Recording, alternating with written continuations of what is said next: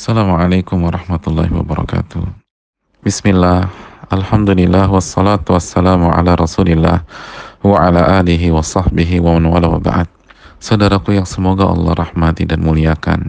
Di tengah kondisi wabah seperti ini, ada sebuah nasihat penting dari Al-Imam Ash-Syafi'i rahimahullahu ta'ala. Beliau bertutur, Lam ara anfa' lil wabah minatasbih aku belum menemukan solusi yang lebih manjur untuk menghilangkan wabah dibandingkan bertasbih kepada Allah Subhanahu wa taala. Nasihat itu tercantum dalam kitab Hilyatul Aulia jilid ke-9. Saudaraku yang Allah muliakan, berikhtiar secara lahiriah saja belum cukup bagus untuk menjaga imunitas tubuh dan kesehatan. Dan langkah yang bijak ketika kita mengikuti himbauan pemerintah agar menerapkan social distancing semaksimal kondisi kita masing-masing. Namun selain itu, hendaknya kita pun mengikuti arahan para ulama, semisal Al-Imam Ash-Syafi'i rahimahullah. Beliau menasihatkan agar kita memperbanyak bertasbih kepada Allah Subhanahu wa taala di hari-hari ini dan mensucikan Allah Subhanahu wa taala di saat ini.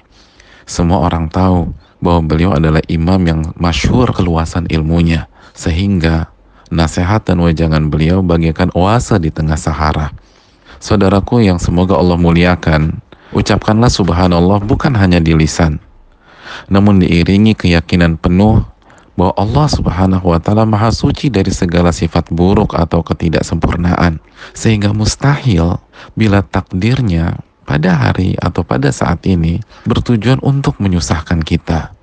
Mengapa? Karena Allah Subhanahu wa taala Maha suci dari perilaku jahat dan buruk. Saudaraku yang Allah muliakan, ucapkanlah subhanallah. Dan bukan hanya di lisan, tetapi diiringi dengan menguatkan keyakinan tentang kesempurnaan, keagungan, dan kesucian Allah subhanahu wa ta'ala. Sehingga seburuk apa pun suatu kondisi dan wabah ini di mata manusia, kita tetap percaya bahwa di balik ini pasti ada banyak hikmah dan kebaikan besar bagi umat manusia.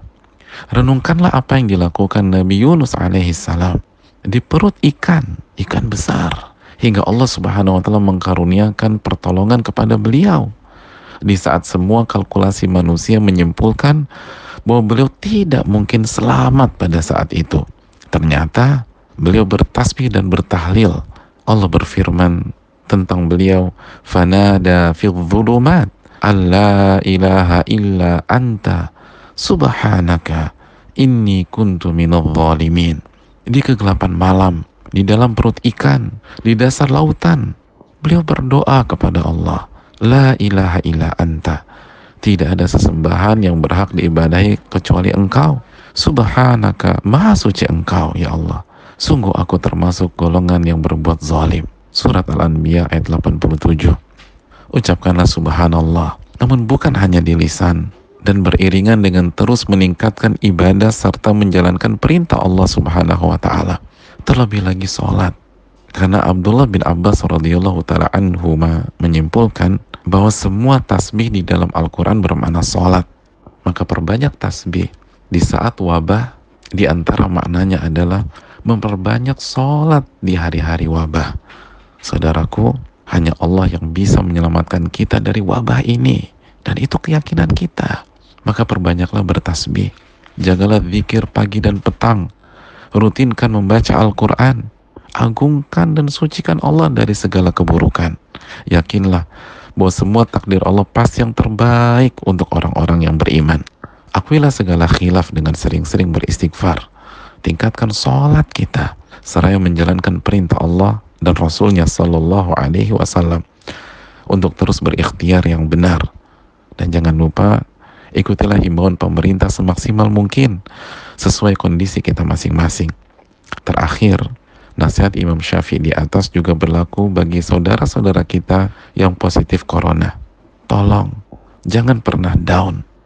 Insya Allah harapan itu masih ada dan tidak kecil. Maka semakin perbanyaklah bertasbih kepada Allah. Tanamkan keyakinan sedalam-dalamnya bahwa kondisi ini pasti penuh hikmah dan kebaikan karena Allah Maha Suci dari menetapkan takdir yang sia-sia.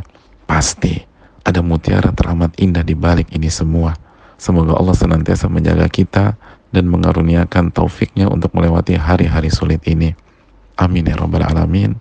Wassalamualaikum ala nabiyina Muhammad wa ala alihi wa sahbihi ajma'in. Wabillahi taufik. Assalamualaikum warahmatullahi wabarakatuh.